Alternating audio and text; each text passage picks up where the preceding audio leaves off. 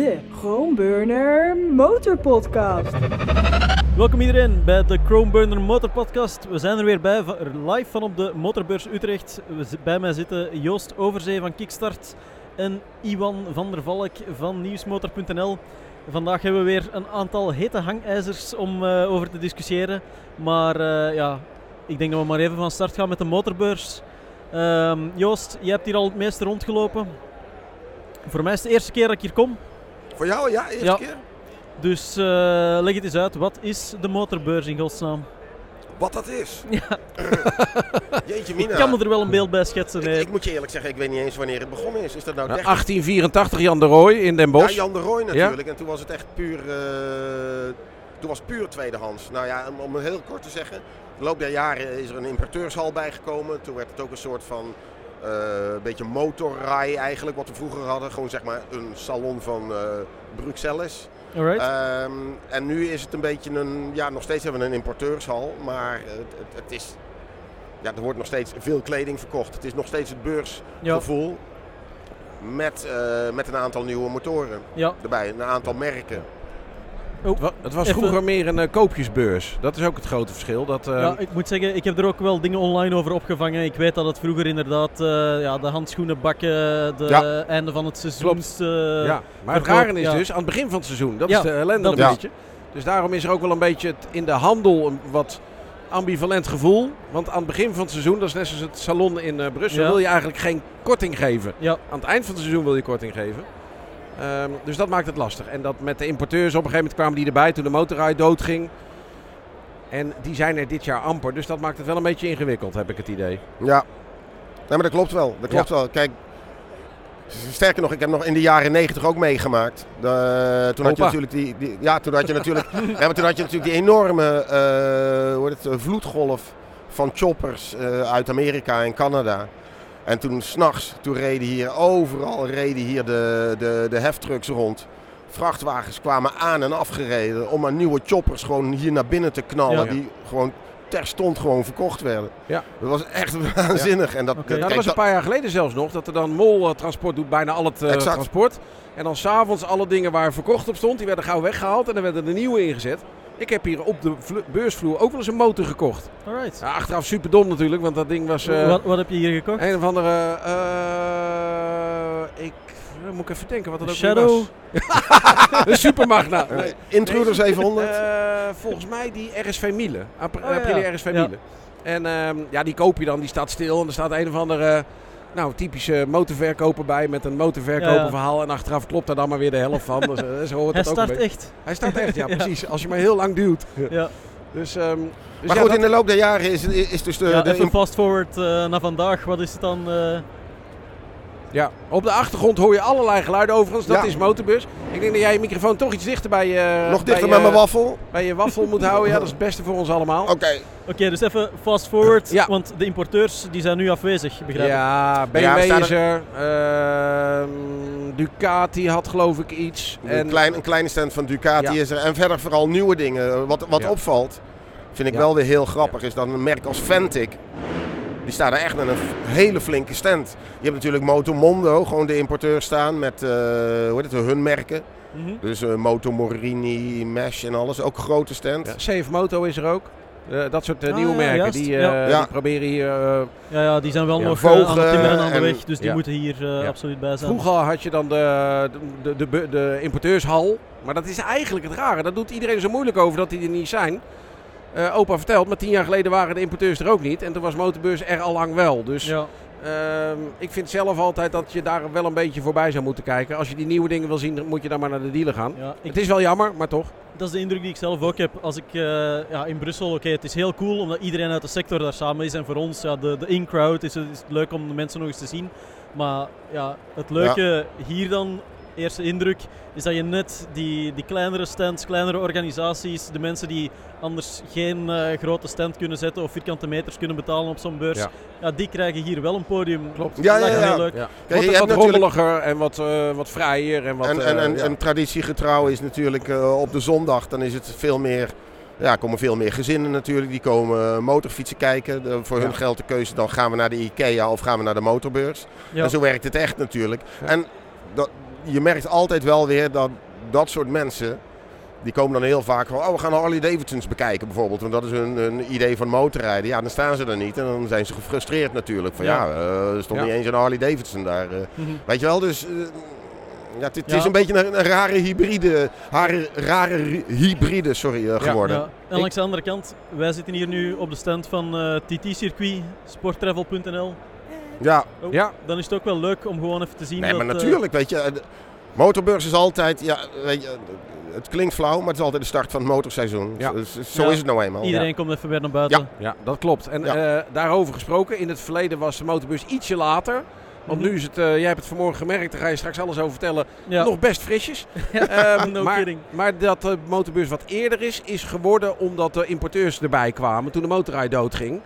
Eh, toen eh, zeiden de importeurs, wij willen onze nieuwe modellen eerder laten zien dan eh, maart. Ja, Ehm, dus is het nu februari geworden en dan kunnen ze dus hun nieuwe modellen nog laten zien. Maar Mhm. eigenlijk is dat niet meer helemaal aan de orde. ja, Maar dat zijn allemaal historische dingen die ervoor zorgen dat bepaalde dingen op een bepaalde manier lopen. alright. Ja, ik heb wel gezien, er zijn twee primeurs hier, voor zover ik weet.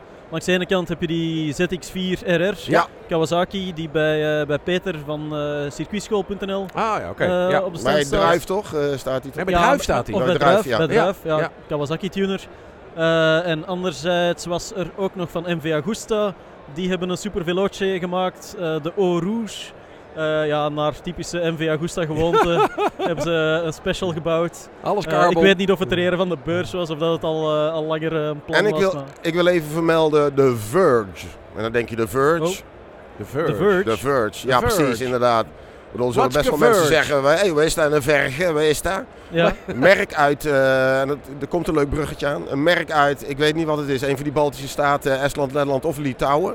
Hebben een elektrische motor gemaakt.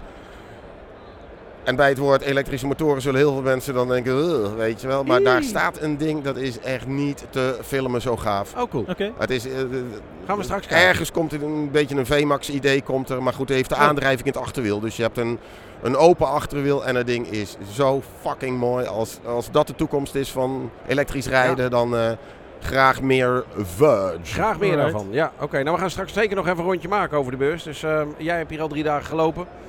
Zie je Ehm, het? Maar Arno is hier voor het eerst gekomen volgens mij. Ik probeer een bruggetje te slaan naar jouw heroïsche trip van Ja, vanmorgen, Arno. Ik dacht, Heroïsch is Het vaak is, eigenlijk, het is eigenlijk gewoon begonnen als, eh, als een grapje. Ik, eh, ik stuurde het maar in de WhatsApp naar jullie van ja, ik kom met de DAX naar, naar de motorbeurs Utrecht. De DAX 125. Ja, de, de nieuwe Honda DAX dus. Dat is op zich misschien ook wel een primeurtje hiervoor op de beurs. Maar ehm, ja, dan stuur je dat en dan kan je niet meer terugkrabbelen natuurlijk. dus vanmorgen vol goede moed ook eh, tot de vaststelling gekomen dat eigenlijk al mijn, eh, mijn wintermotorkledij dat die nog ingepakt zit in kartonnen dozen, want ik ben aan het verhuizen. Oh. Dus eh, ja, drie Ja. truitjes over elkaar aangedaan, een leren vestje erover, twee buffjes, extra onderbroeken, et cetera, et cetera. Met de DAX onderweg naar Utrecht. En ja, Utrecht, eh, Best ver, hè? van, vanuit Antwerpen, je zou denken van het is niet zo ver. Ik bedoel, als je het even op, eh, op Waze of op eh, Google Maps checkt, ja, dikke, dikke 100 kilometer, veel meer dan dat is het niet. Hoeveel is het nou? Ik geloof 120 ongeveer, 125 Oh. kilometer. Ja, zou je denken dat is niet zo ver. Totdat je op die dak stapt en dan tot de vaststelling komt dat in Nederland ook best veel bergaf en eh, bergop bestaat. Want ja, bergop gaat het ding nog 83 op de snelweg. Oh, echt? Dus misschien even de DAX Ik beschrijven. dacht dat het... Ik Iedereen, dacht, iedereen kent de DAX wel van vroeger. Hè? Dus je had de 50 cc'tjes en dan Ja. de 70 cc. Dat was dan de motorfiets. Daar heb ik zelf ook nog veel mee, mee rondgereden. Eh, nu is er een nieuw model van, 125. Eigenlijk gewoon hetzelfde liggende monocilinder motorblok. Wat ze ook al in de Monkey hebben gestoken. Wat ze ook al in, eh, in de Cubs, in NSF 100. 100.000 modellen in Azië. Die Ja. NSF'jes heeft ook zo'n Ja. eh, zo'n motorblok. Daar hebben ze nu terug een, eh, een doortrapversnellingsbak aan gekoppeld. Dus zoals de originele DAX. Geen, eh, geen, eh, Semi-automaat. geen hendeltje niet meer Ja. aan het stuur. Semi-automaat. Inderdaad, dus vier versnellingjes doortrappen naar beneden. En als je dan heel hard je best doet in de berg af, dan haal je de 100 km per uur wel. 110? Ik heb, eh, ik heb de top van, eh, van 106 heb ik, eh, heb ik aangetikt. Echt waar? Achter een vrachtwagen. Achter een vrachtwagen, slipstreamend. Maar Ik- vandaar ik had dat ik nu nog zo lichtjes aan het ontdooien ben. Ik, ik, ik vrees dan wel dat ik, eh, dat ik mijn verlies moet toegeven. Want ik kwam vanochtend om ongeveer op 98 km per uur met mijn TW 125 van Ja, jou. ja, Ja, Trailway. ja, ja, ja, Of ja. 98. Ja. Hij, hij zat een beetje kopjes te geven tegen de 100. Dus wat dat betreft... Ja. eh, ja, ja. misschien de banden nog even op 4 Ja, ik heb, zetten. ik, heb, ja, dan, ik heb eh, de banden nog op de herfststand staan. eh, dus, dus Maar na een kwartiertje stopte je wel met klappertanden, viel mij al op. Oh, het, was, eh, ja, het was echt wel koud. Man, Ja. had ik eh, serieus onderschat. Maar kijk, ik ben er geraakt. En het leuke is dat wel, ik, eh, ja, ik heb gisteren nog met die Suzuki GSX 6000 GT gereden. Oh, dat scheelt dat niks. is echt zo'n, eh, ja, dat is Bijna bijna, hetzelfde. teleporteren dat je doet. Daar durf je het gashendel op de openbare weg bijna niet open te draaien. 150 pk, gaat nergens over. En eh, ja, nu met dit ding, als je dan zo'n bocht ziet Ja. van ja, maximaal 70 km per uur, dan is het toch even gewoon vol het gas openhouden. Dus Ik heb altijd Ja, met die TW heb ik altijd. Je hebt die borden dan, bij, eh, vooral dan bij, eh, bij Amsterdam. Van Ja. u rijdt te snel als je 70 mag. Oh ja. En ik heb dan met die TW 125, als ik dan zie dat u rijdt te snel. denk ik, yes!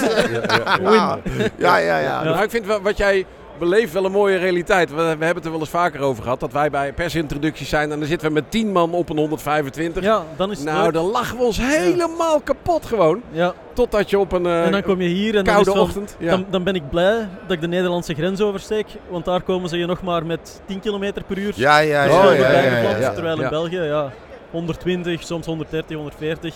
Ik moet, ik moet zeggen, want toen, toen ik met de Monkey naar Parijs op en neer ging of zo, dan, Ja. is Frankrijk is 130 km per uur dan. Oef, Dan, ja. dan ben je echt bijna verplicht om af en toe Parijs op en neer. de, slip, de slipstream van de vrachtwagen te pakken. En niet zozeer voor de snelheid. Maar Ja. om in ieder geval het idee te hebben dat je niet voor je klep gereden Ja. wordt. Want een vrachtwagen zien ze wel en jou zien ze dan eh, even een stukje minder natuurlijk. Nogal wat oude mensen die nu luisteren. Die zeggen, joh, ik ging vroeger altijd op de 50 eh, cc brommer ging ik naar de Middellandse Zee. Ja. Heel normaal allemaal. Ook dus, nog gedaan. Ja. ja, kijk, ik ben ooit met, eh, samen met mijn vriendin alle twee op een 125 naar Genève gereden. Dat was toch ook een dikke 700 kilometer, maar dan is het anders, omdat je pakt echt de binnenweggetjes. Ja, je, je zoekt Ja, eh, je de hebt geen route nationaal op, departemental. Ja. Eh, je bent niet over de snelweg aan het rijden. En eh, ja, nu was ik zal niet zeggen dat er zoveel haast bij zat, maar ik wilde echt wel hier geraken. Ja. Dat is een andere beleving. Ja. Maar over het algemeen, ja, als je echt gaat reizen, ik vind het net leuk om dan even wat rustiger aan te doen, wat, eh, ja, wat meer Ja, te genieten is- van de omgeving. Ook nu, zelfs vanmorgen, ik kan echt zeggen, ik, ik heb ja, niet bezienswaardigheden, maar ik heb wel de tijd gehad voor zo eens, rond te kijken, eens een belachelijke reclame te zien staan langs de kant van de weg. Eh, ja, mensen in de auto die dan beginnen te filmen of foto's beginnen te trekken. Oké, ja, dat soort dingen.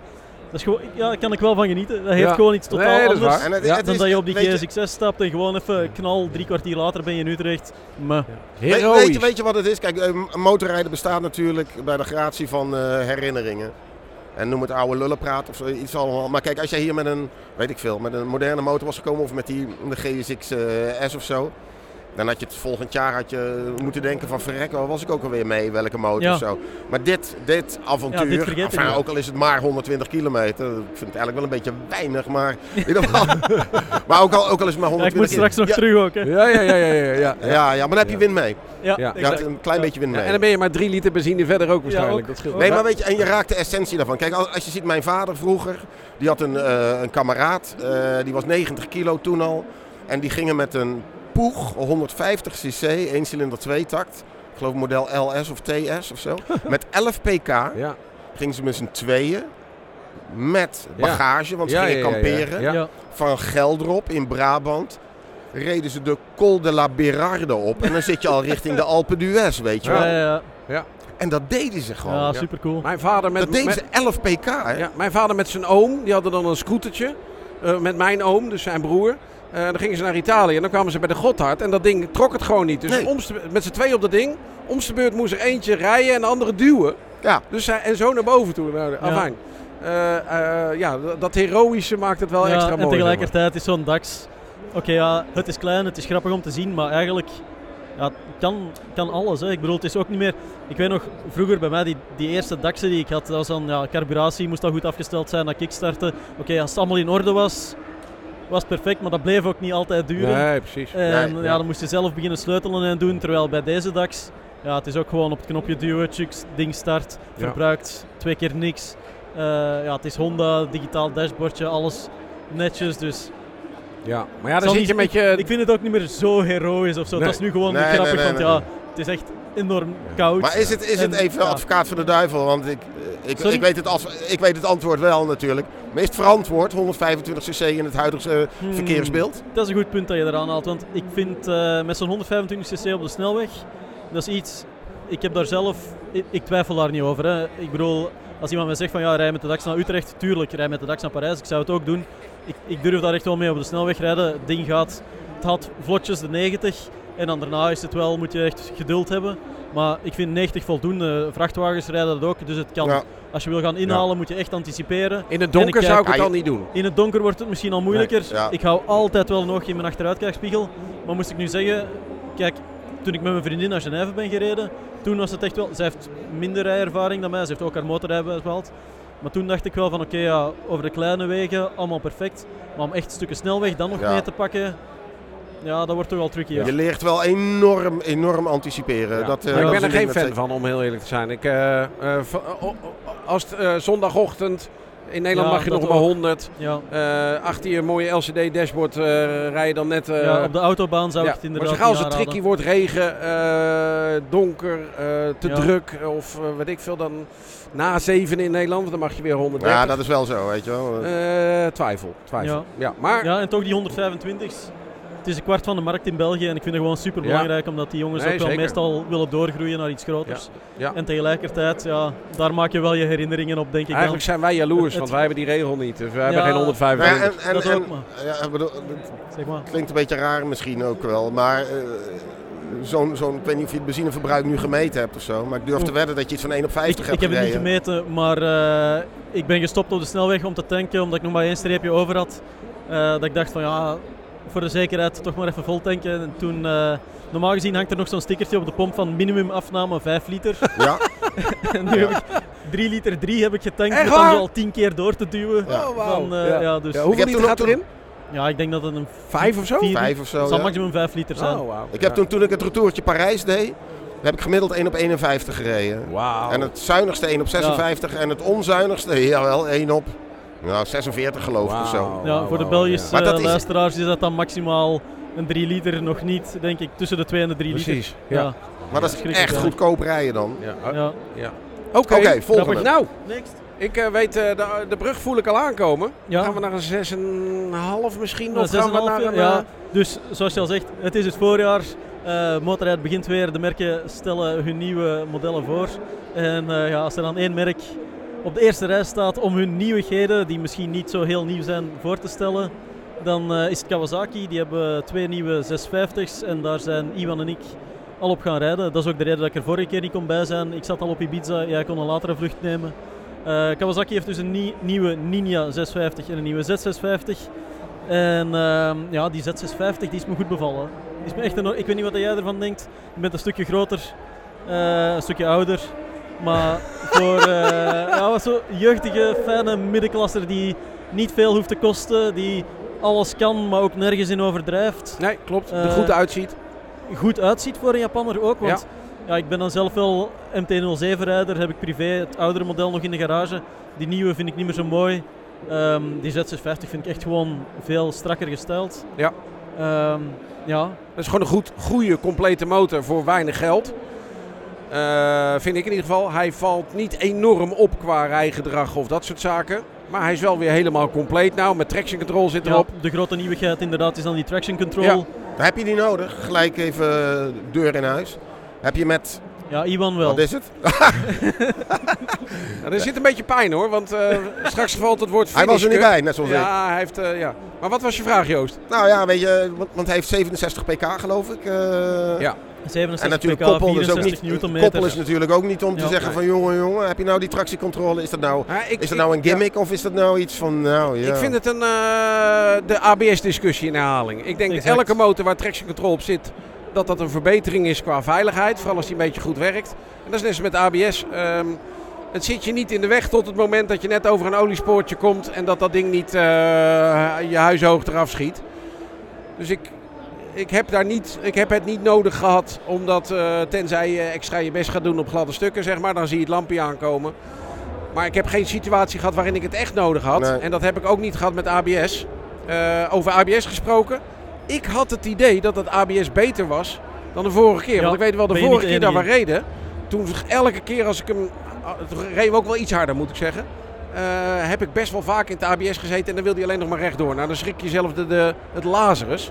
Dat heb ik nu één keertje maar gehad en dat was echt gewoon nou, bijna bewust. Ja. Ehm, dus ik heb het idee dat dat ABS ook beter geworden is. Maar Ja. daar hebben ze het niet over gehad. Ik ben daar volledig mee eens dat eh, ja, ABS-tractiecontrole, alle twee goede uitvindingen, verhoogt de veiligheid van motorrijders in het algemeen. Voor mensen die misschien niet.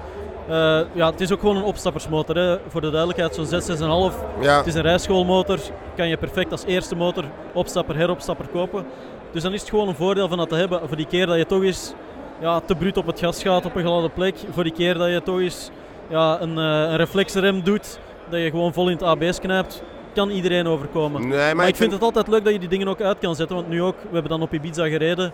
Eh, Ibiza is trouwens, vond het best verrassend dat je er nog heel mooi kon rijden. Op een dag heb je het wel gezien, maar best nog mooie baantjes.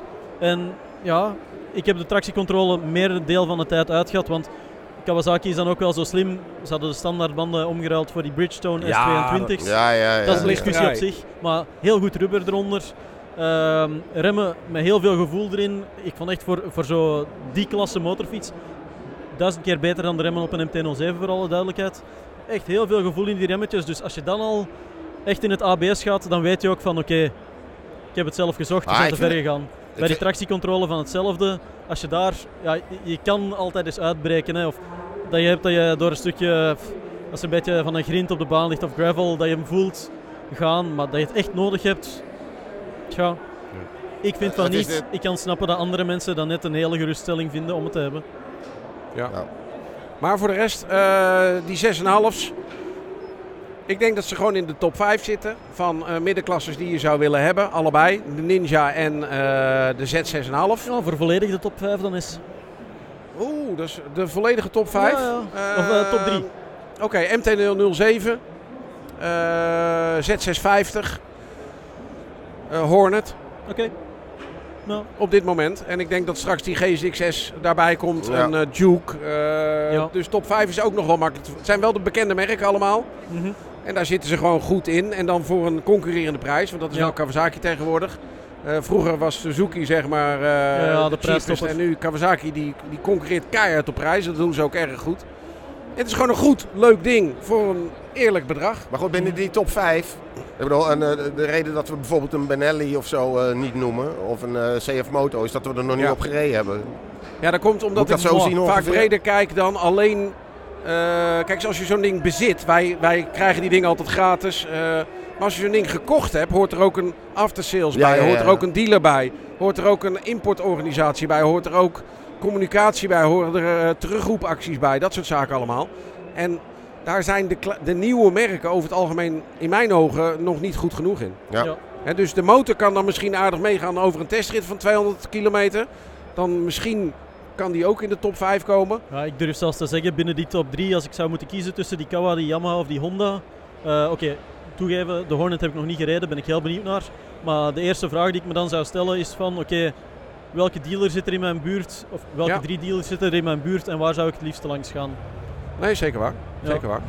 En dat is misschien ook al meteen een bruggetje naar de volgende. Van, omdat je zegt van ja, oké, die GSX, zegt- GSX. Ja, daar gaan we weer. Godverdomme. Daar gaan we weer, elke keer Eh, weer. zullen, zullen we gewoon eh, Nee. de, de IBAN. Ja, de Iwan. de Suzuki nee, nee, nee, laat mij erbuiten. Ja. Dus die Suzuki. Ja. Ja. Die Dan- komt in, eh, die GSX S8 komt pas in mm, april overigens. Eh, introductie. Oh. Dus ik vermoed dat die pas in mei er is of zo. Dat is net te laat. Oeh, dat is Maar laat. dus super belangrijk model voor Suzuki. Ja. Nieuw motorblok ontwikkeld. En je hebt al met de nieuwe V-strom gereden Ja. die ook dat motorblok heeft. Exact hetzelfde motorblok. Eh, ik ben gisteren teruggekomen van Sardinië. V-Strom 800DE heet dat ding. Oké. Eh, het raar is natuurlijk dat het nog steeds V-strom heet. Want de V was van de Ja. V-Twin Ja, dat is 6,5. waar, ja. Waarvan ze blijven beweren Het is dat omdat die... de P-Twin Precies, ja. Ja. de- niet echt zou werken. Ja. Ehm, maar ze blijven beweren dat die 6,5 blijven bestaan. Ik blijf dat niet geloven, maar Allah. Ehm, maar we, ik heb twee dagen gereden met de V-Strom 800 DE dus. Oké. Op Sardinië. Ehm, zeer interessante motor. Kan het gelijk verklappen. Zit ook gelijk in de top 5. Maar je had ook eh, niets anders eh, eh, kunnen verwachten. Hoeveel motoren zitten Ja, er er zitten, top 5 bij ja, jou? ik heb ook zo'n lijstje op mijn telefoon met liedjes top 5, weet je wel. Best, best 5 songs ever. Zitten er 35 in. ja, dus uh, afijn. De top 5 is ongeveer de finish van de MotoGP of, de ron, of de, tijdens de kwalificatie. Ja, Ja, ja, precies. Dat ja. zit allemaal op een, op een honderdste van elkaar Binnen af. 0,001, ja. Ja. inderdaad. Ehm, Die paralleltwin, dat is denk ik het belangrijkste Ja. nieuws even daarvan, eh, is erg goed gemaakt. Zitten een beetje vibraties in de hoge toeren. En dat zou je zeggen, dat hebben ze allemaal wel een beetje. Alleen Suzuki heeft een heel ingewikkeld verhaal over een cross-balancer. Twee balansas dingen die alles helemaal weg zouden moeten nemen. Nou, in het echt zitten die vibraties gewoon nog bovenin. Ehm, het is wel een erg leuk aanvoelend blokje. eh, zoals alle paralleltwins op dit moment. Ehm, er zit genoeg... Belangrijkste. Ik vind, Van omdat je dat nu zo zegt, ik vind dat er enorm veel verschil zit tussen al die parallel twins. Als je ziet, eh, denk de, de eerste die er zo mee kwamen van de nieuwe generatie, dan had je de Yamaha die MT-07. Ah, absoluut, ja. Eh, dan is Honda met die Africa Twin gekomen, maar dat is een klasse hoger, maar was ook een 72 graden parallel twin. En dan had je die Duke 97 van KTM. Ja, Alle ja. drie parallel twin 72 graden, ik vond die onvergelijkbaar. Eh, ik vind ze in ieder geval niet Dus als je zou moeten saai. zeggen... Nee, ik vind, ze, ik vind Nee, het een, een, leuk, een leuk blok. Saai Eh, niet, maar waar trekt ja. het dan het meeste op, zou je zeggen? Eh, maar er zit, aard, er zit goed gang in. Hij klinkt goed. Hij voelt ook een beetje de, de pulsen van de V2. eh, eh, ja. zeg maar. Dat is een beetje wat, wat vaak het verhaal is. De pulsen. hoe het motortje roffelt, als Ja, het ware. Mini V-twin gevoel. Precies. Dat doet hij ook goed. Eh, hij is voor een 776cc niet enorm agressief of zo. Dat had wel iets meer agressief gekund. Maar nu pakt hij supergoed op. En als je eenmaal boven de 5.000, 6.000 toeren bent, dan loopt hij ook echt serieus door. Oké. Elke keer als je het gas zet. Injectie klopt heel goed. Mhm. Nou, er zijn andere merken die daar veel meer moeite mee hebben. Dus het Maar amper wat ik- aan uit-effect. Het, het, het allerbelangrijkste wat ik eigenlijk wat ik nog niet gehoord heb. Hoe, hoe is hij van onderuit? Hij, is, hij loopt eh, foutloos van onderuit. Ehm, ik vind zelf dat er onderuit niet superveel vermogen in zit, of Mhm. koppel. Maar dat hij bovenin langzaam eh, veel meer begint te maken. Dus er is ook geen kick van eh, sommige blokken vanaf 6000 toeren. Opeens komt er nog een klap bij. Mhm. Bij deze is dat redelijk geleidelijk. En dan bovenin eh, nou, trekt hij echt serieus goed door. Want voor een, een V-strom eh, 6,5 of een SV 6,5. Ja, Ik bedoel, we zijn het er alle drie over eens. Het is natuurlijk een, een verrukkelijk blok van onderuit. Ja. echt Ja. problematisch. Of ja, echt, echt totaal niet eh, problematisch. Echt, Staat in mijn top 5 van middenklassers. ja, het is gewoon een van de. ja. Jouw top 5 ook. ja. Ja, ja, ja. ik die vind die ook superleuk. eh, Ja, geloof ja, ik, ja, ja. In ieder geval staat hij in de top 5. Ja, Nee, maar, maar van onderuit is dat 38 natuurlijk in mijn een, top 5. Ja. een snoepje van de motorblok. Ja, is dat. klopt. Maar is dat die, Ja. die, die Twin ook? Nou, nee, ik vind zelf, eh, wat jij zegt is gewoon waar. Die V-Twin vind ik leuker. Zo, zo eerlijk Ja. moet ik ook zijn. Bam. Ja, dat is wat het is. Ehm, de V-Twins zijn gewoon V-Twins. En dit is een, ja, oneerbiedig gezegd, zijn paralleltwins met een 270 graden krukkas nep V-Twins. Nou, dat is hartstikke goed gelukt. Maar een echte eh, V-Twin is voor mij nog net wat leuker. Eh, net wat meer emotie erbij. Moeilijk meetbaar, maar wel leuker. Ja, ik denk dat dat Ja. inderdaad, dat is, Ja. dat is iets persoonlijks, maar Ja. ik begrijp het wel.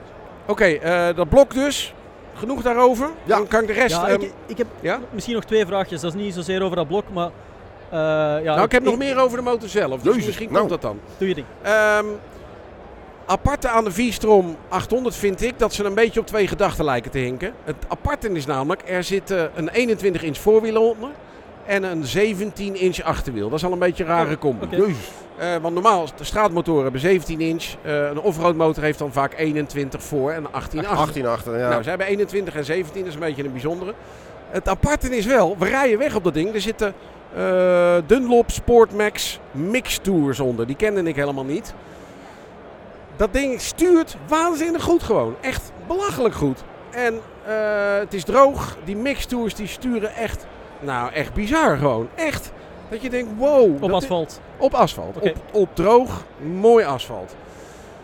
Maar dan denk je van joh, als jullie daar nou iets meer voor gekozen hadden. Want met dat 21 inch eigenlijk laat je Ja. dan wat liggen. Maar zeggen zij dan ja, we willen ook offroad. Nou, dan denk je, oké. Maar die banden, die mixtours, dat zijn echt gewoon straatbanden met een ingesneden profiel. Ja. Dus als je offroad komt, lever je je daar weer in.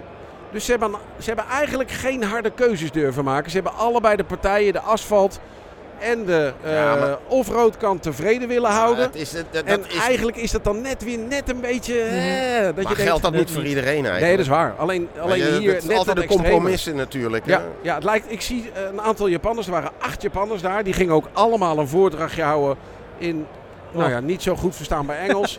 Eh, zoals dat bij Suzuki alleen maar kan, inderdaad. Ehm, En dan heb je het idee dat er een soort van wedstrijdje geweest is. Ja, maar dan wil ik het 21 inch voorwiel. Dan zegt die ander, ja, maar dan wil ik dit. Dan wil ik eh, dat hij, hè. Dus uiteindelijk doet hij vooral, vind ik, op asfalt dat heel erg goed. Op, we hebben enorm veel offroad gereden. Dat ging ook aardig, maar ook op slicks lukt dat ook wel. Weet je wel, als je maar blijft Ja. rijden en, en, het, en het was niet nat. De dag dat we weggingen, toen regende het. Toen kwamen de Italianen aan. om... Nou, eh, die gingen echt een kutdag van je welste hebben. Ja, want, want dan heb je gewoon nul grip. Dus je voelt eigenlijk een beetje, had ik zoiets, het zou gaver zijn. En misschien komt dat nog, maar ze hebben eigenlijk nu al voorgesorteerd op één model. Terwijl je een crossover en een allroad. ja. Zo voelt het, weet je wel. We hebben ze Zou je- allebei willen maken. Het is een je beetje ambivalent. Iets supermotarachtigs van kunnen maken. Alles kan, want het is een... eh, hij stuurt goed. Hij, 16,5 duims voorwiel erin. Alles kan. Ja, ja, Ja. weet ik niet. Weet Alles ik kan. niet. Ja, Gewoon een, ik denk zelf- spannend, een spannend ding. eh. Ja. Hij stuurt al zo goed. Hoe zou hij het doen met een 17 inch Ja. voorwiel en echte straatbanden? Eh, hij rijdt offroad zo goed.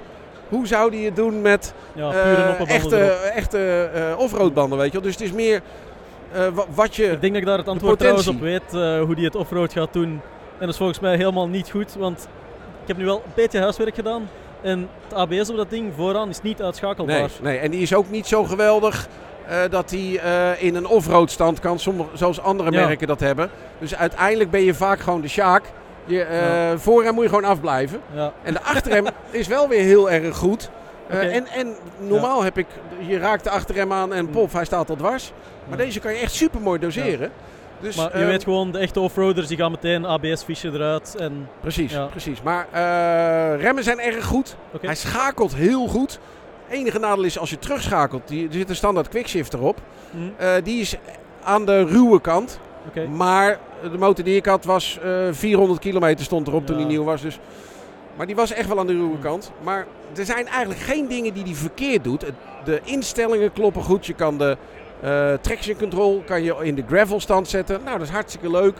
Ehm, je kan de ABS kan je dan schakelen in twee standen, maar dat is eigenlijk een beetje Ja. onzin. Of uit. Nou, je kan hem. eh, eh. en er zijn drie mappings. Eh, dat vond ik best aardig, want op straat vond ik A het fijnste, de agressiefste. En offroad, omdat ik niet zo'n geweldig goede offroad rijder ben, vond ik B fijner, omdat hij dan wat minder agressief oppakt. En Ja. normaal, als hij heel agressief is, dan beweegt de motor te veel onder je.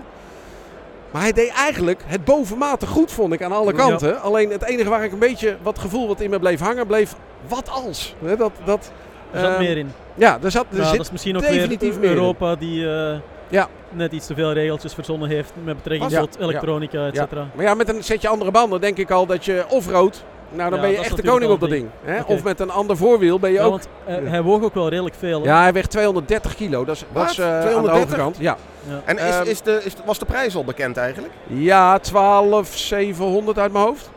Oh, Ja, dat durf ik niet zeker te zeggen. Hij zit een beetje aan de hogere kant. ik dacht net te zeggen, dat is... eh, Ehm, kijk eens, het beroerde daaraan is, als je bij een Suzuki-evenement bent, dan eh, zeg je eerst, er is er iemand die vraagt aan die Japanners. Ik doe dat niet, want je weet dat het geen zin heeft. ja. Eh, hij is 230 kilo, dat is best zwaar. Nou, het antwoord is dan, ja, maar dat maakt toch niks uit. Oh, Ja. ideal compromise. ja, ja, nee, nee, nee, Ja. maar dat maakt niet uit. Eh, ja. Gewoon, dat is nooit een ding. Nou, offroad vind ik het inderdaad niet uitmaken bij deze, omdat hij zo goed stuurt. En omdat hij een beetje meer substantie heeft door het gewicht bijna. Offroad daarentegen. Ik vind het moeilijkste van offroad altijd nooit het hard rijden, maar het snelheid kwijtraken offroad. Hm. En dan duwt hij best door. Ja, ja, ja. En er, waren, er was een of andere Amerikaan op de eerste dag al het ravijn ingedonderd, omdat hij... eh, maar ja, er zitten natuurlijk ook wel... eh, eh, ja, uiteindelijk kan je dat allemaal gebeuren. ja, maar er zijn genoeg Amerikanen nog hoor. Ja, precies, Ja. daarom. Daar hebben we er zat van. Ehm, dus dat gewicht is gewoon te hoog. Dat is absoluut waar. En dat Ja. doet me dan een beetje denken aan de Tenere 1200 van eh, Yamaha. Die hebben 25 jaar de kans gekregen om het af te kijken bij de GS. En toen kwamen ze met een ding die was 50 kilo te zwaar of zo. Ja, Denk ik, ja, maar waar, waar, eh, Als je hem nu zou moeten vergelijken met iets, kom je dan uit bij die Tenere of ga je meer richting Afrika Twin? Of? Nou, dat is dus het aparte. Hij zit, eh, als ik het even makkelijker maak, tussen de Tracer en de Tenere in. Oké, Dus de Ja. Tracer eh, eh, nou, 7 dan wel. Eh, de Tracer 7 en, de, en die Tenere 700. Nou, daar past hij precies in het midden. Ja? Want die Tracer is echt een, een straatfiets en die Tenere is echt een offroad Ja, fiets. Tenere is zo smal, hè? Is want veel is- smaller is en, ja, en veel ruiger en veel meer echt. Maar heeft deze een beetje body? Dat je echt ja, wel. van ja, nou... ja. dan, eh, Sterker zit- nog, je moet je knieën best wat aan de wijde kant hebben, want de tank is best groot. Dus als je staat, eh, is dat best actief. Ik heb het stuur wat omhoog eh, gedraaid, wa- waardoor ik er met mijn 1,86 goed op stond. Nou, dat is bij andere motoren wel eens anders, want vaak ben ik dan net iets te lang en dan sta ik er als een soort chimpansee sta ik erop eh, met gebogen Ja. rug. Ehm, dus dat, dat klopte ook allemaal. Ik zelf vind het ruitje laag en die kan dan in, eh, in drie standen verzet worden. Ja, Ik heb daar weer te hilarische laag, foto's te laag van. En te laag. Ik was er ooit eer bij de eerste introductie van de V-Strom 650. En toen vroeg ik of het ruitje omhoog kan. Toen kwamen er zes Japanners Ja, aan te ja. pas. En verdomd, ik vraag nu aan één Japanner van... joh, mag mijn ruitje één standje omhoog? Want hij stond in het midden.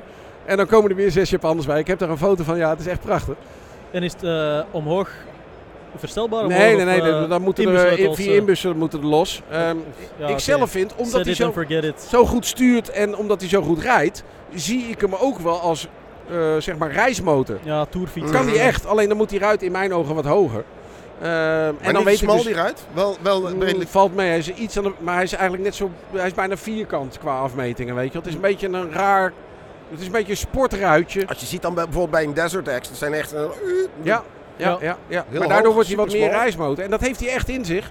Natuurlijk, als accessoire is die hogere ruit te krijgen. En als je er nooit mee off-road gaat, zou ik bij de koop gelijk de hogere ruit vragen. Hè, dat, dat, je ja, kan gewoon je- extra comfort. Ja, ja, en die banden ben ik een beetje die mixtours. Ik kende die niet. En daar zegt Suzuki van die speciaal voor hun gemaakt zijn, maar dat is niet zo. Ehm, daar weet ik niet van hoe die het in de regen doen. Dus daar ben ik ook wel een beetje benieuwd naar. Eh, Ja. Want nu, we hadden echt geluk. Maar ik zal eens vragen hoe het bij de Italianen geweest is. En dan, ehm, dan lijkt me dat wel een iets ander feestje. Ja. Maar dus 12.700 euro plus nog eens 1000 euro voor een kofferset, neem ik aan. Ja, ja, ja precies. Ja, alles Dat is kosten. best wel duur, hè, want om Ja. nu even terug te komen, ik heb dan met die GSX-S 1000 GT gereden. Dat ding heb je... Ah, wacht. Jij zit in België. Nederlandse prijzen. Ja, ja, in Sorry. België. Ja, my ja, bad. ja, Nee, ja, geeft niet. ja, ja, ja. Maar uiteindelijk, hij, je hebt gelijk, hij is niet GSX-S in goedkoop. België voor 15.000 heb je Ja. alles erop en eraan. Ja. Ik- de- hij is niet goedkoop. basisprijs Suzuki is 14.2. Is niet zo goedkoop bezig eigenlijk, maar die Dat hebben ook de last natuurlijk dat... ehm, eh, in Nederland wordt Suzuki door Nimag geïmporteerd, van Lauman. En waar je als fabrieksvestiging nog wel eens wat bijloop kan krijgen, heet dat dan zo mooi van de importeur, van de Europese vestiging, krijgt de Ja. Nimag dat niet. Dus de Nimag moet gewoon geld verdienen. Zijn ook importeur van Toyota en van Suzuki Auto's en weet ik veel wat allemaal. En nog 100 automerken. Ja, die moeten marges nemen. Die moeten gewoon hun marge pakken. Ja. Ehm, waarbij bijvoorbeeld een Kawasaki, daar kan Kawasaki Nederland of Benelux nog wel eens vragen aan ehm, bijvoorbeeld Europa van joh, kunnen we wat mats het is het moment om marktaandeel Ja, te kopen. ja. Bam. Ik, ehm, ik krijg een... eh, als we het nog over de Suzuki willen hebben, moeten we het snel doen. Want Reno die gaat me anders gewoon klappen geven. En hij heeft Nee, ik denk eh belangrijkste puntjes voor mij, puur afgaande op de technische fiche, was inderdaad prijs, gewicht en ABS. Ja. Die dingen Ja. heb je netjes beantwoord. Dus eh, stel ik voor dat we even overgaan. Even op de man af. Welke koop je? Oh. Eh, De 6,5 V of de, de 800? Dat is een hele goeie. Ja, ja, ja. Nou, blijft een Nederlander, dus hij eh. koopt de 6,5. ik denk dat Ehm, Nederland de enige markt is waar er nog zoveel V-strom 6,5 verkocht Ik worden. denk dat ik dan toch de 800 zou kopen. Ondanks dat ik het blokje leuker vind van de 6,5. Maar de rest is van de 800 veel beter. Als motor, als eh, rijwielgedeelte, als uitrusting, als alles erop en eraan. De potentie die erin zit als ik er een eh, off-road setje banden op zou gooien. Dat heeft die 6,5 allemaal niet. duidelijk. Alright, Duidelijk Check. verhaal. over naar de reclame. Even pissen. Bij Groenburner vind je alles op het gebied van motorgear. We hebben het grootste aanbod motorkleding van de Benelux tegen de scherpste prijzen. Met meer dan 100 merken is er altijd wel eentje die past. Dus kom snel langs of bestel via onze webshop. Je vindt ons langs de A59 bij Nieuwkuik of natuurlijk via groenburner.nl. Groenburner Motorgear. Fun starts here. Kut! Oké, zijn we er weer van op de motorbeurs in Utrecht. Ehm, het volgende onderwerpje dat we gaan aansnijden vind ik wel een hele leuke, want het is echt de grootste clickbait headline die ik eh, in lange tijd gezien heb. Namelijk eh, de Telegraaf die pakte ermee uit, maar een hele hoop Nederlandse kranten zeiden dat er Ja. in Nederland meer motorrijders zijn dan ooit. Ja. Dat vond ik een hele leuke, Ja. omdat we datzelfde verhaal in België, eh, ik denk twee jaar eerder gehad hebben. Toen waren er ook opeens een verdubbeling van het aantal motorrijders, wat ze even vergeten waren. Verdubbeling? Was, ja, ja, ja. Of verdriedubbeling, in ieder geval. eh, gigantisch. Maar wat ze vergeten waren, was van erbij te vermelden dat die verdubbeling gebaseerd was op het aantal rijbewijzen dat werd uitgedeeld. En dat toen net het rijbewijs veranderd was van een klein en een groot rijbewijs naar een 125 een A2, een groot, een B-rijbewijs plus motorrijbewijs en zo on en zo on. Dus je had gewoon vijf extra categorieën, waardoor in één keer heel veel meer mensen een nieuw motorrijbewijs hadden gekregen. Ja, ja, Dus was er een verdubbeling. Maar in. Nederland meer motorrijders dan ooit. Ehm, ik zie er hier wel een hele hoop ja, rondlopen, zijn, maar... eh, gelukkig zijn er heel veel, maar ik vind het een beetje een ingewikkeld verhaal. Ehm, ik moet misschien even uitleggen dat voor Motorbus Utrecht de BOVAG... ehm, nou, we horen in Motorland eigenlijk nooit wat van de BOVAG. Maar voor Motorbus Utrecht komt de BOVAG altijd in overleg met de motorbus met een persbericht. En dat persbericht is bedoeld... De BOVAG, voor de Belgische Oh ja, luisteraars. Dat is de dealerorganisatie. Dealerorganisaties? Organisatie van dealers. Oké. Eh, er zijn nogal wat dealers bij aangesloten. eh, motordealers. Ehm, die komen met een persbericht. En ze hadden daar een eh, persman altijd werken. Ik had het idee dat hij niet meer werkte, maar misschien freelance nog of zo. Die was er altijd super gehyped in. Die wist gewoon een oud feitje op te warmen. Oké. En dat dan te brengen als groot nieuws. En dat deed hij supergoed altijd. En dat is dit jaar weer gelukt. Want uiteindelijk zijn er altijd eh, meer motoren in Nederland. Nou, dat is hetgene waar het dan vaak aan opgehangen kan worden. Want elk jaar komen er motoren, meer motoren bij dan dat eraf gaan. Dat betekent wel dat er veel meer in de schuur staan. Want het, het aandeel motoren 20 jaar en ouder is het grootste van allemaal. Ja. En daarnaast zijn er vorig jaar heel veel rijbewijzen gehaald, motorrijbewijzen gehaald. Maar dat lijkt vooral een beetje een inhaalslag toch van, Corona. eh, van corona. ja. Maar dat neemt nog steeds niet weg. Maar dan heb je het over honderden of zo, weet je wel. Dus globaal genomen heb je in Nederland, zeg even voor het gemak, 1,6 miljoen mensen met een motorrijbewijs en 800.000 motoren. Nou, elk jaar komen daar 10.000 motoren bij. Hè, Mhm. 15.000 nieuwe, eh 18.000 import, eh, weet ik veel, er gaat wat af. Ja. Dus ik, ik vind het eh, goed gevonden. Knap uitgespeeld ook. Zeer positief voor ons allemaal als motorrijder. Dat dat op het juiste moment en als aanslinger voor de motorbeurs, want dat is dus de, de hoofdreden van het bericht, Mhm. eh, gebracht is. Maar het is een klein beetje een, met een klein korreltje Ja. zout. Als je, Ehm, als je echt het cijfermateriaal zou gaan opzoeken, dan zal er misschien een licht stijgende lijn nou in ja, zitten. het klopt Maar cijfermatig wel. Alleen broer is dus, net zoals dat er 1,6 mensen zijn met een motorrijbewijs, Ja. maar maar 800.000 motoren, waarvan ongeveer de helft ouder is dan 20 jaar en in de schuur staat en bijna Ja, nooit ja. naar buiten komt. Dus ehm, dan kan je wel elk jaar zeggen, er komen Ja. meer, meer motorrijbewijshouders bij. Ja, Ehm, en er komen meer motoren bij. Maar of er ook echt meer motorrijders bij komen Ja. die aan het motorrijden zijn. ik heb er vanmorgen tussen aan. Antwerpen en Utrecht twee gezien. Nee, dat bedoel ik. Dus, Echt ja, waar? dat bedoel ja, ik. ja. Ja, ja, ja. Tracertje Ja. 9 en een GS, En uiteraard. die ene kon je niet bijhouden om te slipstreamen misschien. Ja, het was, Nou, ik heb mijn best gedaan. Ja, ja, ja, ja, ja. Het was Ja. de afrit, eh, afrit Utrecht-West. Oké, ja. Dan mag je, mag je Zo. 70 per uur. Ja, Had ik echt wel, ja, ik zei het al tegen Joost eerder, had ik echt zo'n blanchiment gevoel Offen. van ik ga het gashendel niet nee, dichtdraaien. nee, nee, Die blijft nee. gewoon helemaal open en het is me gelukt. Ik denk niet dat me dat nog een tweede keer gaat lukken op eh, een andere Dat is motor. daar bij die trajectcontrole, toch? ja dat klopt. Ja. Ja, ja, ja, ja. Die ook gewoon in België geïnt wordt. ja, ja, ja, ja. Ja, maar het was op een dag, dus ik kon mijn handje nog voor de nummerplaat steken. Oh, oké, ja, ja, precies. Ja, nee, anyways, dus ehm, ja. nee, maar Ja, het, het, het is- kijk, en, Het is geen slecht nieuws. Zeker niet. Mis- mis- misschien even terugkomen. 1,6 mensen met een motorrijbewijs. Er zijn er een heleboel bij Ja. die het motorrijbewijs nog bij een autorijbewijs hebben gekregen. Nee, of- dat niet. Nee, nee, nee, dat is nooit geweest in eh, Nederland. Maar het is wel zo dat je het vroeger heel makkelijk kon krijgen met een proefrijbewijs. Oké, En eh, ik, heb, ik zou cijfers kunnen opvragen hoe de leeftijdsopbouw daarvan is. Maar eigenlijk weten we dat allemaal wel. Ik bedoel, eh, ja, op zijn Oude mensen- twee derde 60-plussers en ja, dan... ja, maar het voordeel was ook wel dat in het afgelopen jaar er meer A1 motorrijbewijshouders bij Oh ja. Maar dan heb je het ook weer over honderden, weet je wel. Het gaat niet om enorme aantallen. Ehm, uiteindelijk denk ik dat we ons moeten realiseren dat motorrijden wel eh, lastig is. Omdat vroeger ging je vanaf je 50 cc ging je heel makkelijk met dat proefrijbewijs naar motorrijden en was het heel eenvoudig. Tegenwoordig moet je door 38 hoepels springen en Ja. 40 keer examen doen en ja, ja, ja. allerlei gezeik. Eh, je kan En met de wel- 125 natuurlijk, Nederland maakt daar eh, een prachtige uitzondering op, maar niet heus eh, Ja. in Europa. Ja, ja, daar hebben we het vaker over gehad. Ehm, eh, volgens mij is de beste methode tegenwoordig dat je wacht tot je 21,5 bent. Dan mag je examen doen voor vol rijbewijs. En dat wordt dan automatisch als je 24 wordt een vol rijbewijs. Dan hoef je dus maar één keer examen te doen. Maar dan heb je die mensen gemist tussen hun zeg maar 18e en Ja, 21,5. op het moment dat ze nog niet samenwonen en Hebben nog ze geen allemaal al een kinderen golfje hebben. gekocht? Ja, ja, ja, ja, Ehm, gaan ze met hun vriendin auto rijden, want dat mag je al vanaf 16,5. Dus wat dat dan gaat, heeft motorrijden het gewoon zwaar. Mhm. Ik vind ik zou het fantastisch vinden als al die clubs die zeggen dat ze zo druk zijn met lobbyen, en dat zijn er nogal wat, als die gewoon aan het einde van dit jaar zich komen verantwoorden waarom ze dat 125 cc rijbewijs er niet doorgekregen hebben. Hmm. En elke keer als ik daar naar vraag, komen ze met allerlei verhalen. En dat snap ik wel. Als het heel makkelijk was, dan was het al lang gebeurd. Maar dat is volgens mij het enige wat motorrijden in de toekomst eh, kan, echt kan laten groeien. Echt een Ja. boost kan Ja, geven. echt Ja. kan laten Ja. groeien. En, dat, het- Ja, ik als- zeg het, in België een kwart van de markt is 125. hè. en persoonlijk, als, als privépersoon, hoop ik dat het nooit gebeurt. Want er komen er alleen maar mafketels op die 125 te rijden. Die er geen reet van kunnen. En die onze naam als motorrijders alleen maar omlaag trekken. Maar vanuit de branche Ja. en de handel en motorrijden in het groot gezien. Hm. Denk ik dat En dat ook- de enige En je moet het gewoon ergens leren. Hè? En waar Ja, beter dan op een natuurlijk, 125. ja. Want als je nu meteen die Ja. mafketels, die Ja. het dan wel volhouden tot hun 24ste. En die dan meteen hun GSX-R 1000 kopen. Ja. Ja. Ja, maar dat zijn eigenlijk allemaal jongens die dan verstandig zijn.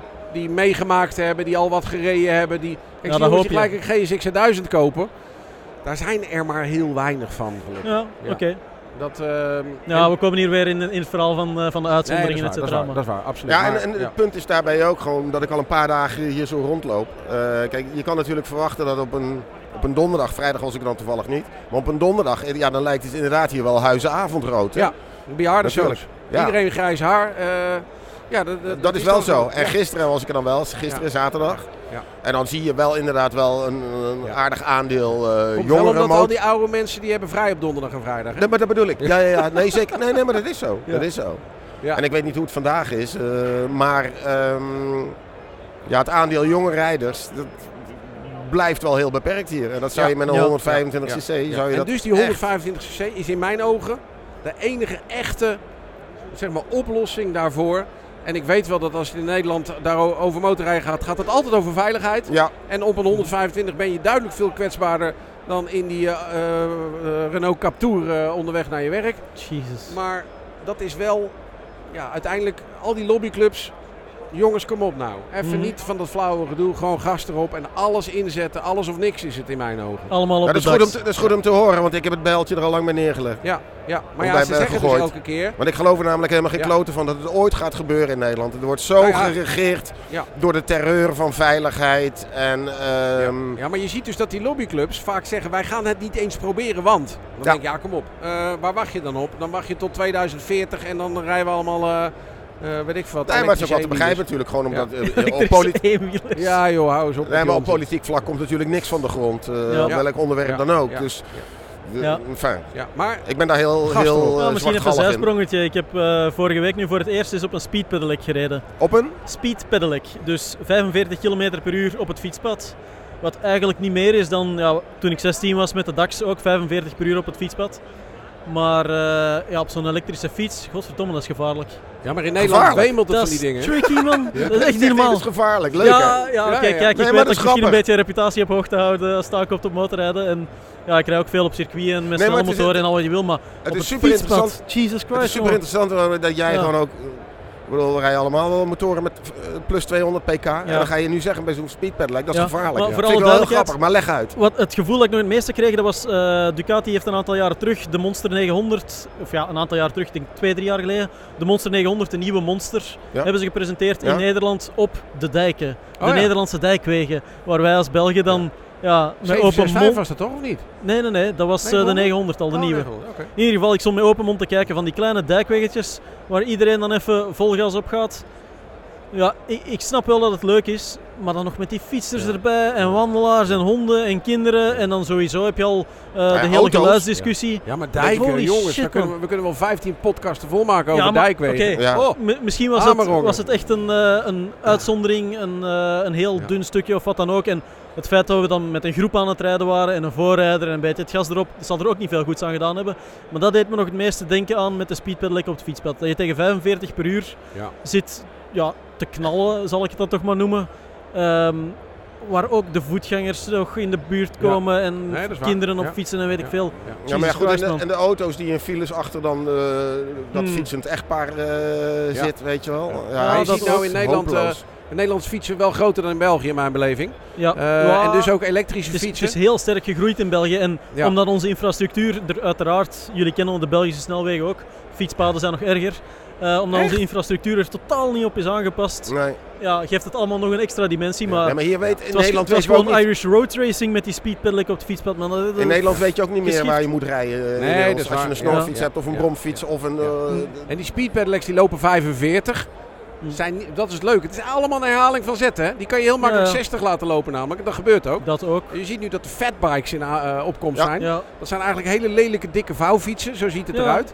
Eh, die kan je ook goed opschroeven. Hoef je geen helm op. Ben je van dat gezeik af. Want dat hebben Oh. ze net met de snorfietsen verplicht Ah, dat, gemaakt. is, dat is bij die speedpedelecs dan wel, hè? Wel een helmpje. Ja, Ja, ja. maar je kan dus Helm zo'n fatbike ook 60 laten lopen. Nou, dat zie je in de grote steden zie je dat gebeuren. Dat Nou. iedereen met die fatbikes aan de gang is.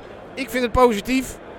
Want dat zijn mensen die denken, dat is best cool, twee wielen zo hard gaan. maar weet je, weet, je, Ja, dat wel. ja. Dat wel. weet, je, weet je wanneer dat gebeurt? Is dat, ze, dat je ze overal ziet? Vanaf 1 januari. En waarom? Klopt. Helmplicht, snorfietsen eh, Ja. verplicht. Ja, Ja, ja. helmplicht, eh, snorfietsen. Ja.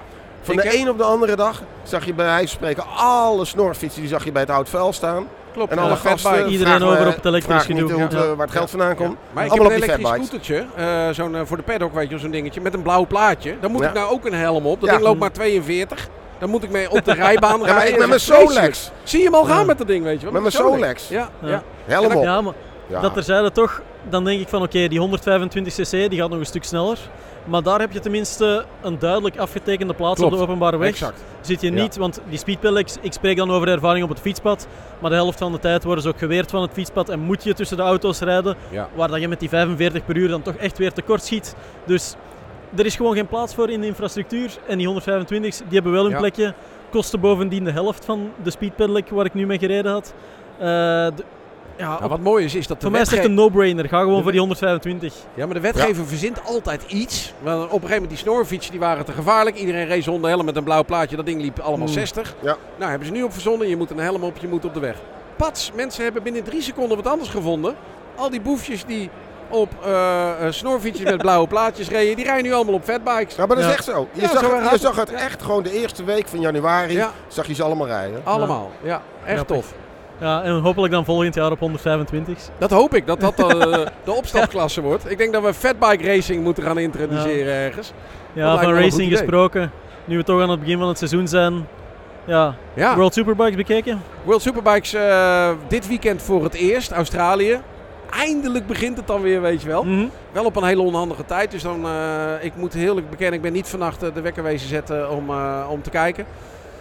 Eh, drie races geweest. Wat ik zo leuk vind, is dat we de hele winter, of het nou in de MotoGP is, of in de World Superbikes, of in welke motorsport ter wereld dan ook. Laten we ons allemaal enorm leiden door alle onzinverhalen over de testen. En kijk, die heeft een nieuw plastic Ja. kapje over, eh, weet ik veel wat. En die heeft dit en die heeft dat. En ba ba ba ba ba ba. Afijn. Eerste weekend World Superbikes. Bautista wint race 1, 2 en 3. Ja, Eh Rasgat Lioglu en Ray zitten er bovenop Ja, ja. op het podium. tweede, derde en de rest eh, ja, en de rest wacht. mag eh, volgen. van de Mark een eh, zepert van een weekend helaas. E- eerste race op zijn gezicht. Eh, Tweede race tiende en twaalfde of zo zeg maar. Dus die sprintrace buiten de punten. Ehm, maar uiteindelijk vind ik dat dan wel weer gaaf. Want het is dat super trio. Dat is echt, dat wordt weer een knaller ja, van die je domineren gewoon alles. Ja. Ja. En Locatelli kwam zich erbij melden eh, in de trainingen. Dus ik vermoed dat hij ook nog wel echt gaat komen. Wat Mhm. wel lo- lollig nieuws is, is dat Ducati zijn eerste race in World Supersport gewonnen heeft. Oh. Met, eh, V2. eh, met die 955 waarmee Ja. ze mee mogen doen. Daar moet ik wel van zeggen, Supersport is een beetje een raar verhaal geworden. Want waarom kan je meedoen met de 955? Vroeger was dat al met die 750. Omdat ze een soort van regel, letterlijk een regelknop hebben met regels. Waarmee je toerentallen kan beïnvloeden. Mhm. Oké. Dus als Ducati nu alles gaat winnen, dan draaien ze die knop weer terug. En Ja. Maakt het een beetje gemaakt, vind ik. Maar een beetje in het verhaal van bij de 300 ook. hè. Ja, ja, Met ja. extra precies. gewicht Ja, en toestanden. Ja, ja, allemaal dat Kom soort op, eh, jongens. Ja. eigenlijk een beetje... En dan krijg je weer eh, protesten van teams die zeggen, ja, maar wij hebben een paar honderd toeren meer nodig. Klopt. Want kijk, Ja. hij die wint Ja. alles. Of gewoon Ja. dat je vanaf de eerste race ook al weet van oké ja, eh, dit jaar rijdt ons team op de Kawasaki. Pech, we strijden voor de Ja. vijfde plaats. Ja, ja, want ja, de eerste ja. zijn allemaal ja, Yamaha's. Bautista, die eh, nou, totaal rijdengewicht voor motor en, eh, Ja, en ja, rijden, ja. weet je, dat gedoe allemaal. Er is enorm veel gedoe over geweest.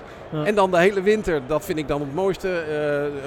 Andere motorjournalisten, maar wij zelf ook, doen dan daar leuk aan mee. En kijk eens, ze gaan dit doen en ze hebben dat en ze hebben getest. En we hebben tijden van GRS. En die zijn altijd beter dan de MotoGP, is altijd mooi.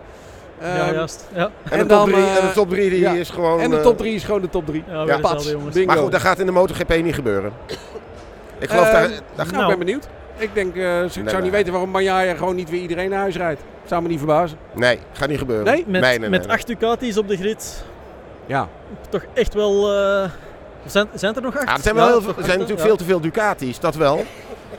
Maar ik houd stille hoop en, en, en echt heel veel vertrouwen in eh, Oliveira op de Aprilia. Oh, cool. Op de een of andere Ja. manier zie ik daar iets, een gouden toekomst. Oliveira Hij was al op de goed. Aprilia. En niet, niet eh, eh, andere Aprilia-rijders die het niet eh, slecht gedaan hebben in de Vooral afgelopen tijd. Oliveira gaat vlammen. Ah, oké, cool. Nou, eh Die, verrassend. die rijstijl van hem, Oké. die past echt veel beter bij een Aprilia dan bij een KTM. Durf je een voorspelling voor het wereldkampioenschap te doen? Eh, MotoGP. Wereldkampioen Nou, ik hoop, 2023. ja, nee, maar hopen dat slaat nergens op natuurlijk. Kijk, ik hoop eigenlijk Je mag een Eh, tientje inzetten. Nee, ik, ik, ik, ik, hoop Nog gewoon dat honderdje. eh, Marc Marquez vanaf race 1 iedereen naar huis Ah, rijdt. cool, ja. Daarover gesproken. Ik heb die eh docu Gewoon, gezien. gewoon voor de... Prime Video. Ik heb die Ja. docu gezien van Prime, op Prime Video over Mhm. Marc Marquez. Als je fan bent van Marc Marquez, ga je hem kijken. Ja, Als je geen fan bent van Marc Marquez, en er zijn ook nogal wat mensen uit de, de geel gekleurde hoek vooral, moet je hem absoluut kijken. ja zou ik Echt hem waar. Zou inderdaad ook Echt aanraden. aanraden. Eh, face your enemies zou ik zeggen. Kijk gewoon die vijf eh, afleveringen. Ik heb, gaaf. ik heb hem ook gezien. Wat ik eh, heel goed vond is ja, de manier waarop het is opgebouwd. Dat je eindelijk zo eens wat meer inkijk krijgt achter de schermen bij Marquez. Want Absoluut. die, die Repsol Media machine, dat zit toch echt wel ontzettend gelikt en strak in elkaar. Ja. Nu krijg je ook iets meer de persoon Marquez te zien. Eh, dat is super cool. Wat ik dan weer jammer vond, dat was dat eh, MotoGP vorig jaar in het seizoen eh Bagnaia versus Quartararo, dat ze echt ook hun eigen reeks hebben gemaakt. De naam ontglipt mij al, want ik heb een Ja. paar afleveringen be- bekeken en ik heb niet doorgekeken. Nee, ik ook. Dat hadden ze Ja. puur gedaan, omdat op Netflix natuurlijk had je Drive to Survive van de Formule 1. MotoGP wilde het ook. Is eigenlijk geflopt. Maar nu die reeks met Marquez, holy shit, dat zit goed in elkaar. Dat is echt voor eender welke GP van absoluut eh, Nee, maar- verplicht Ja. les, eh, maar die. Prime, die, eh, dat Netflix-verhaal vond ik ook matig. En dan heeft Dorna te veel een vinger in de pap in mijn beleving. Dat, en bij ja. dat Prime-verhaal, dat was Mhm. ook veel meer off-track. Dus Mhm. bij hem thuis en weet ik veel wat. En daardoor vond ik hem eh, eh, fascinerend. Ik heb, Ja. ik heb eh, met veel plezier ernaar gekeken. Ja, ik denk de grote sterkte van het Drive to Survive verhaal bij de Formule 1. Ja, Voorheen, ja oké, Formule 1 voor mij, dat was nog eens naar de race op Spa kijken, halverwege in slaap vallen en dan achteraf even terugspoelen Ja. wie gewonnen heeft. Nu krijg je ook meer een inkijk naar de persoonlijkheden achter de schermen, de dynamiek tussen de teams. Ehm, Ja. je krijgt ineens terug gezichten op die piloten geplakt. maar ja, elke sport probeert dat nu. Dus ja, maar dat is hetgeen wat me enorm eh, mankeerde eigenlijk in MotoGP sinds vertrek van Rossi en dan ook met de afwezigheid van Marquez. Dat je een hoop jongens had, à la eh, Bagnaia, Bastianini, die fantastisch rijden. Quartararo al iets meer ook. Daar krijg je al iets meer inkijk van, van wie die was. Maar ja, het was uiteraard niet meer op het niveau eh Marquez, Pedrosa, Rossi, eh, Lorenzo, misschien daarvoor nog een Stoner, waar dat je echt altijd waar dat Dorna er een spelletje van maakte om de vetes achteraf echt geweldig in beeld te brengen. Dat je een inkijk kreeg van oké, wie zijn die jongens heb, achter de schermen. eentje, eentje, die, Dat mis ik nu enorm.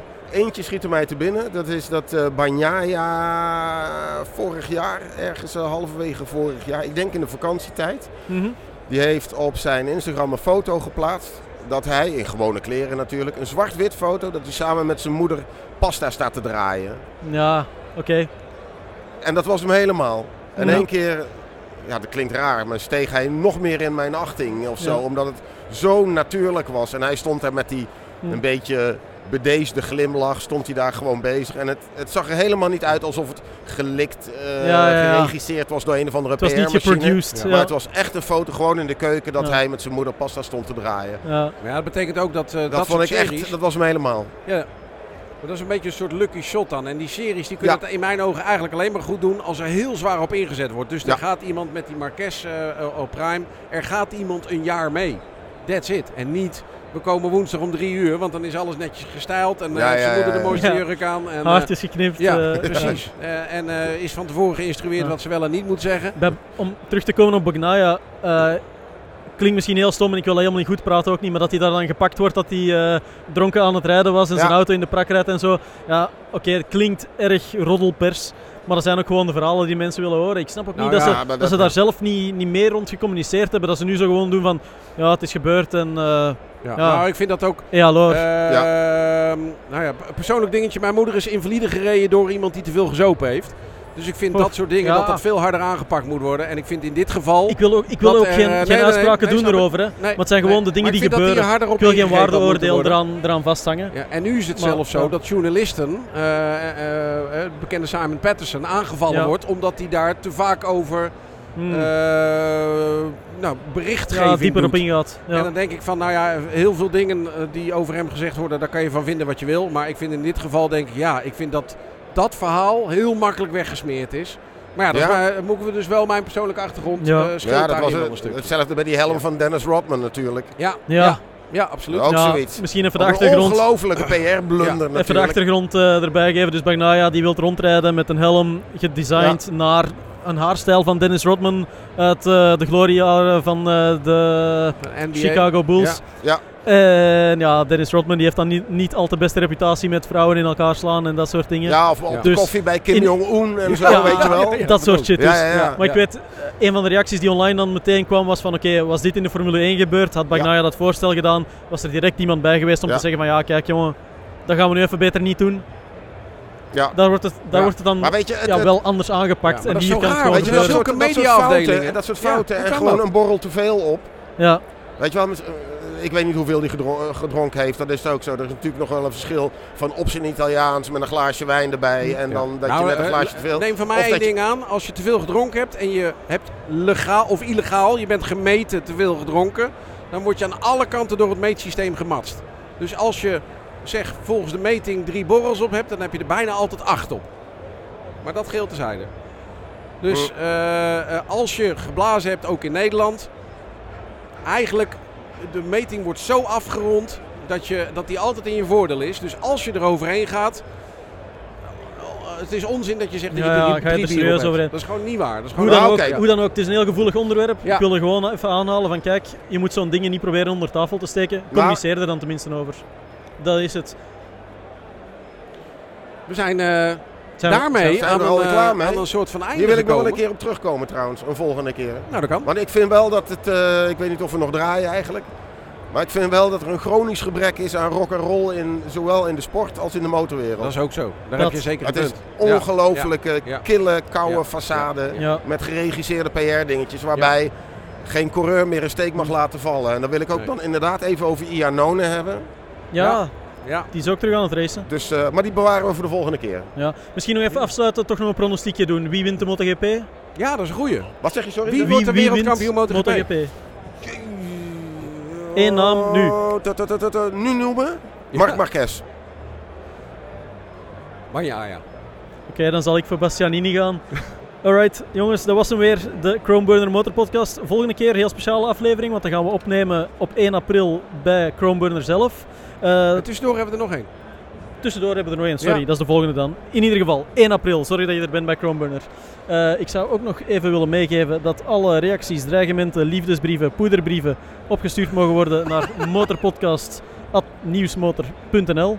En eh, ja, ik denk dat we daarmee op zitten. Dit waren Joost Overzee, Iwan van der Valk en Met Arno dank aan Jaspers. Sporttravel nog even. Met dank aan Sport Travel En een TT-circuit als... En het TT. en het TT-circuit en de Ja, Motorbeurs ja. Utrecht. Tot de volgende keer. Yo. Stap jij op de DAX? Naar huis toe jij. Hup naar Antwerpen. Mooi.